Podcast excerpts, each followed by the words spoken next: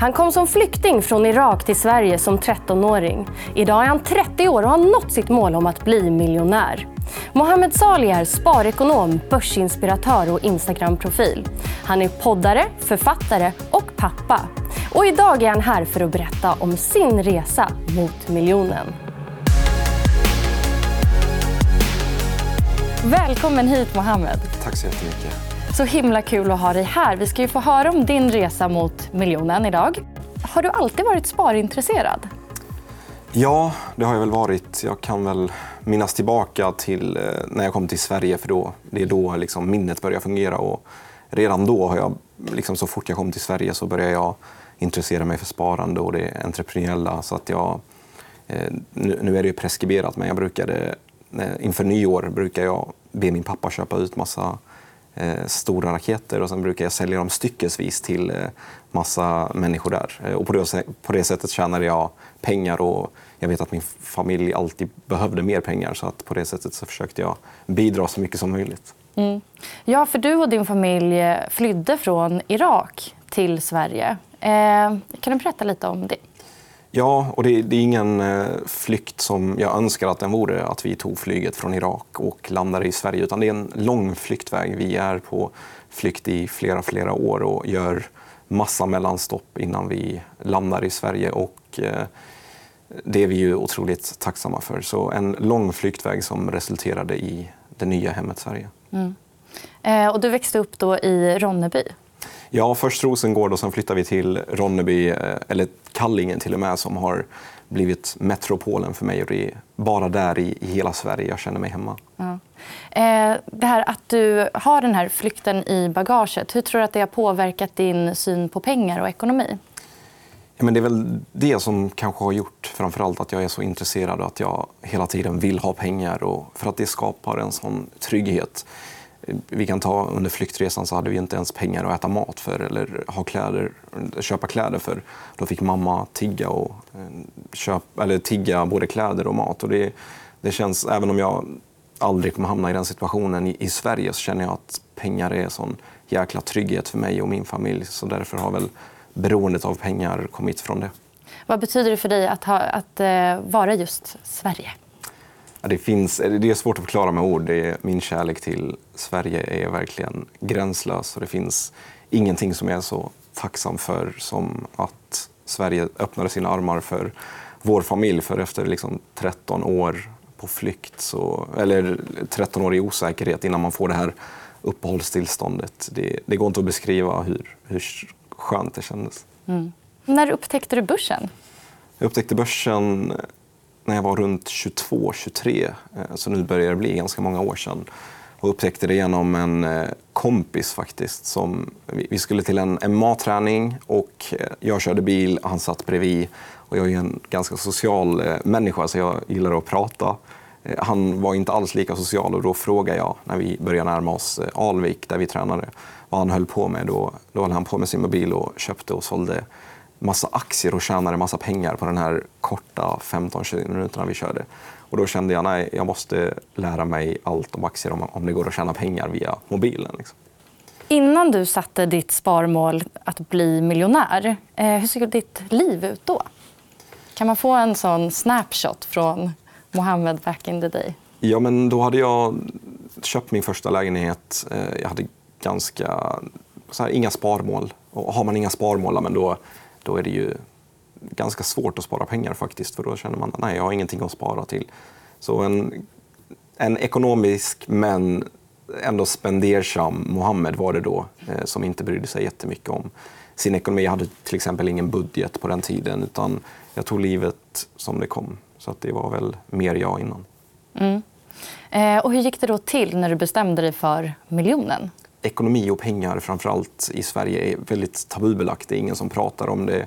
Eh, man får aldrig fråga vad någon har i lön. Eh, man får aldrig fråga vad någon har i ränta nästan. Och då kände jag att jag ska försöka ändra på det. Jag ska dokumentera allt jag gör och sen ska jag bli miljonär innan jag är 30. Och hur gick det då där i början av din investeringsresa? det gick helt okej okay, faktiskt. Eh, den stora nitlotten gick jag ju på innan jag började den här Mohammeds väg till miljonen. Så att jag visste att jag måste göra på rätt sätt eh, och jag ska köpa massa investmentbolag och jag ska köpa jättebrett. Eh, och jag hade ungefär 150 000 som jag inte vågade investera direkt för att jag hade bränt mig en gång. Så att jag började sakta men säkert, köpte väldigt, väldigt brett, nästan som att jag förvaltade en indexportfölj. Men sakta men säkert byggde man upp det och pengarna trillade in, eh, månadslönen kom in. Så att det, det, kändes, det kändes bra. Ja. Hur kändes det när du verkligen fick se den här ränta på ränta-effekten Ja, den tog ju fart efter ett tag. Alltså pengarna bara växte. Och ibland så gjorde man liksom saldouppdateringar två, tre dagar efter varandra. Jag hade liksom 10 000 kronors saldouppdateringar. Men de kom ju oftare och oftare i och med att börsen gick bara upp och ränta på ränta blev kraftigare och kraftigare. Så det, det, var en häftig känsla att få uppleva, för man hör ju om det väldigt ofta. Men det känns som att det, det är ännu mer kraftfullt när man faktiskt får uppleva det. Eh, gjorde du några förändringar i din vardag för att öka på sparandet? Ja, men det gjorde jag. Jag, jag visste att så här, det här kommer inte pågå hur länge som möjligt. Eh, förhoppningsvis blir jag miljonär innan jag är 30. Jag, var, jag tror jag var 26 då. Eller något. Eh, så att maximalt fyra år innan jag skulle förändra. Och då kände jag att okay, nu måste jag göra lite förändringar. Eh, jag tjänade ungefär 28 000 brutto. Inte, inte jättehög lön, men inte jättelåg heller. Men jag visste att jag måste börja jobba lite extra. Eh, och det gjorde jag. Eh, jag sa upp mitt SL-kort och gick fram och tillbaka till jobbet eh, från Sundbyberg. Och det tar ändå en och en halv timme enkel väg att gå. Inga uteluncher, inga utgångar, inga utemiddagar. Och det går inte att leva så hur länge som möjligt, enligt mig. Men jag vet att det var under en kort tidsperiod och då kände jag att det var, faktiskt var värt det. Så det var ganska stora förändringar i, i hur jag konsumerade. Mm. Och du eh, försökte skaffa intäkter på andra sätt också. Du startade ett eh, flippingkonto. Vad är flipping? Men jag ska berätta det. Det ja. är att eh, till exempel du ska sälja en Ikea Malmbyrå. Väldigt fin skick, men du kanske ska flytta. Du vill bli av med den. Du har lagt ut den för 100 spänn. Och jag vet att en, en ny kostar 1200 till exempel. Ja, då åker jag och hämtar den putsar upp den lite, kanske bara tar en våtservett på den eller något. Och sen så lägger jag ut den och flippar det här till, men säg att jag lägger ut den för 500 spänn.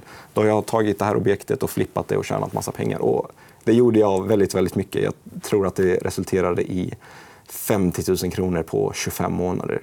Wow. Mm. Ja. Och det investerade du då? Det investerade jag. Så det, var, det var verkligen en jätteboost. Jag bruk, studenter framförallt som brukar fråga hur ska man fixa en extra knäck. Är det forex trading som gäller? Då säger jag nej. Det är flipping som gäller. Det är så fruktansvärt bra och det går att tjäna så jättemycket pengar. Och då kan man ju tänka också att alla de där byråerna och fåtöljerna som du har flippat, det är de som är en del av din miljon idag. Verkligen. Och utöver just pengarna så gör man ju någonting väldigt gott för miljön också. Så att det är win-win för alla. För den som köper, för miljön och för ens egna plånbok.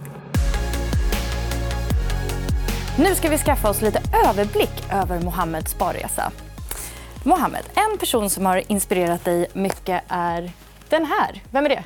Det här är Aktiestinsen och han är en otroligt stor förebild, inte bara för mig utan för alla vanliga människor som bara har några hundralappar att börja spara med. Han började på SJ med ett par hundralappar och hade till slut 140 miljoner kronor. Vad är det du tycker är så spännande med honom? Att han har visat att alla kan investera och alla kan skapa en stor ekonomisk förmögenhet via börsen. Mm. Eh, det gjorde du, men det har också sett ut så här. En motgång du har haft. Ja, det var när jag köpte min allra första aktie. The Marketing Group eh, avlistades från börsen. Så det var en jättestor motgång. Mm. Men lite plåster på såren kommer här kanske. En lärdom. Alla gör misstag. Ja, så är det ju. Oavsett hur kunnig man är, hur mycket man har pluggat på, hur insatt man är i branschen eller ämnet så är det faktiskt så att alla gör misstag. Och så länge man inte gör samma misstag om och om igen så är det helt okej. Okay. Ett tillfälle som betydde väldigt mycket för dig var det här. Vad är det vi ser? Ja, men här ser man mig föreläsa och nu har jag blivit ganska stor på sociala medier. Men det här är första stora föreläsningen jag gör och det är på Börshajens event i Malmö eh, där jag egentligen kom till när jag kom till Sverige och Rosengård. Så att det kändes eh, väldigt, väldigt stort. Mm. Eh, öppnade det också då ett sug efter att synas och höras mer? Då? Ja, och framförallt träffa människor och föreläsa för människor. För Det blir en helt annan sak än att bara sitta digitalt och föreläsa. Så det kändes som en stor milstolpe. Vad var din största motivation? En jättestor drivkraft för mig att driva det här kontot och fortsätta göra det här kontot. Det är att jag vet att människor ser upp till mig. De gör likadant som jag. De tar tag i sin ekonomi. De kanske får sina föräldrar att börja investera. Eh, och det har varit den största motivationen och inspirationen för mig att fortsätta. Att jag faktiskt utbildar folk att ta tag i sin ekonomi. Mm. Kan du inte bli lite rädd där också? Att folk tror väldigt mycket på dig och du får ett väldigt stort ansvar där? Jo, och det är därför man får vara väldigt, väldigt försiktig med vad man gör och vad man kommunicerar. Till exempel så köper jag... Jag är 99,9% transparent med allt jag gör. Men om jag skulle köpa ett olikvitt eh, småbolag så kanske jag inte går ut till mina 80 000 följare och säger att jag har köpt det för jag vet att det kommer påverka kursen. Så att jag, jag får välja mina...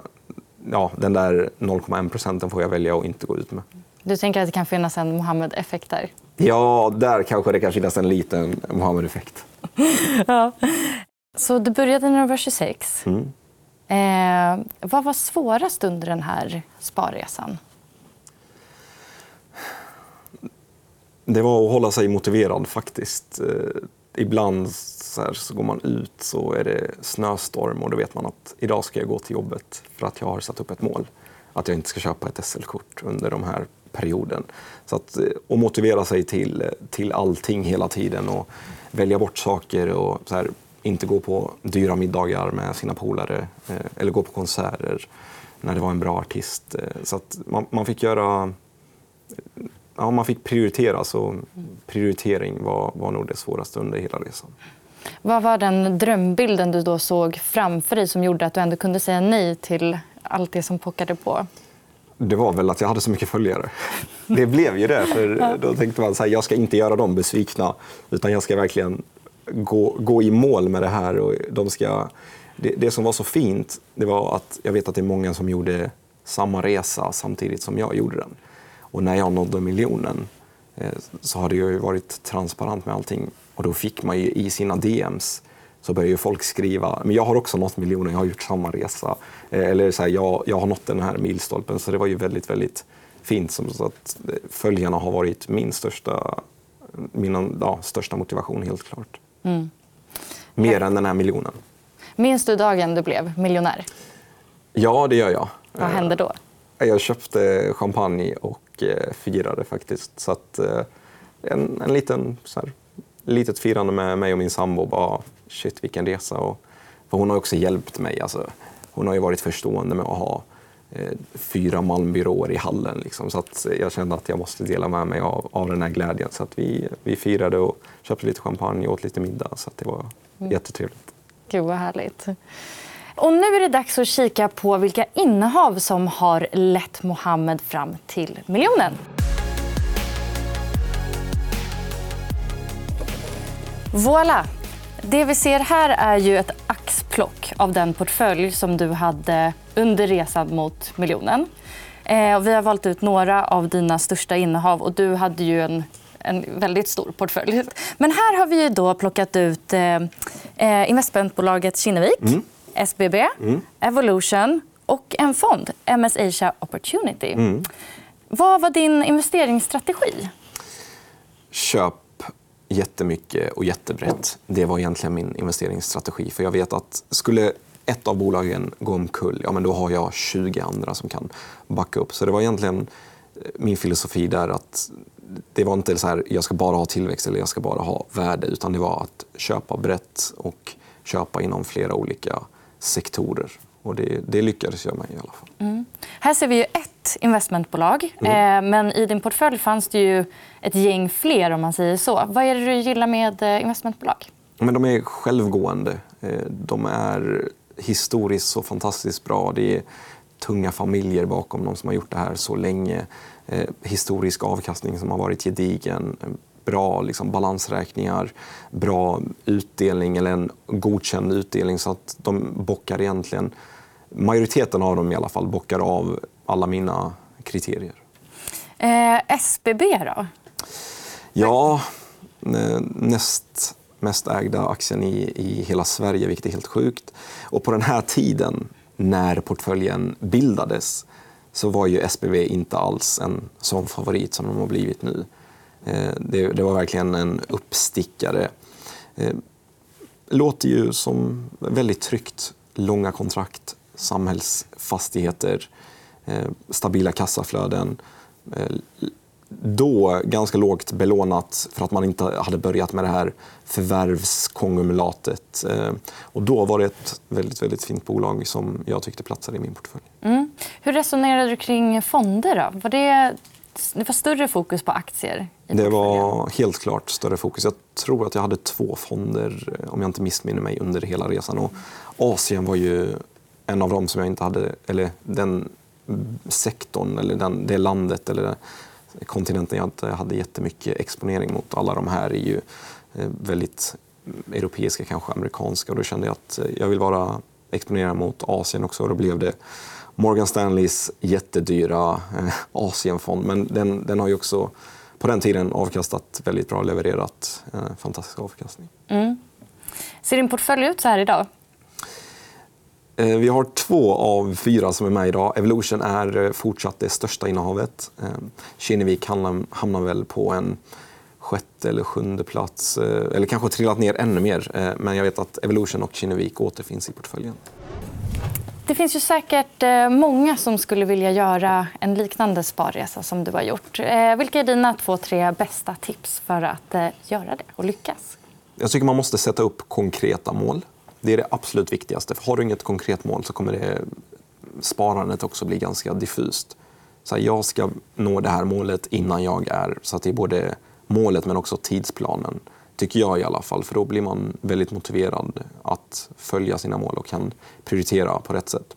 Och sen Ett till tips är att fira delmålen också. Eh, vid varje hundratusen så gick vi ut och åt middag till exempel. Det, gjorde väldigt mycket för resan i, i stort. Eh, och sen kom ihåg att det inte är målet utan det är resan dit eh, som är det viktiga. Tusen tack Mohammed för att du var här och delade din resa mot miljonen.